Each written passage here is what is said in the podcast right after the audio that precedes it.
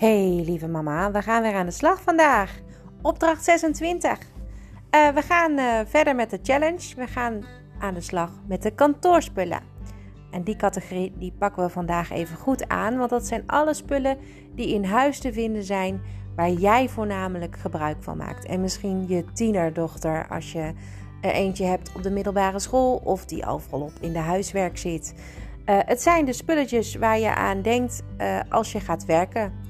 Bijvoorbeeld een nietmachine, um, schrijfgerei, dus lekkere pennen, uh, schriften, markeerstiften, plakbandrollers en die houdertjes die daarvoor bedoeld zijn, enveloppen, um, uh, papierklemmen, uh, A4-schriften met lijntjes erin of zonder lijntjes, lineaaltjes, grote scharen, um, paperclips. Je kan van alles verzinnen. Alles waar je kind van jonger dan zeg maar 10 eigenlijk niet mee mag werken van jou, omdat het iets is wat je nodig hebt om bijvoorbeeld je administratie mee te doen. Uh, denk aan uh, al die grote spulletjes, um, kleine spulletjes die je daarvoor nodig hebt en geef ze gewoon een vaste plek. Het fijne is natuurlijk als je een bureau hebt dat het daar ook lekker in ligt opgeborgen.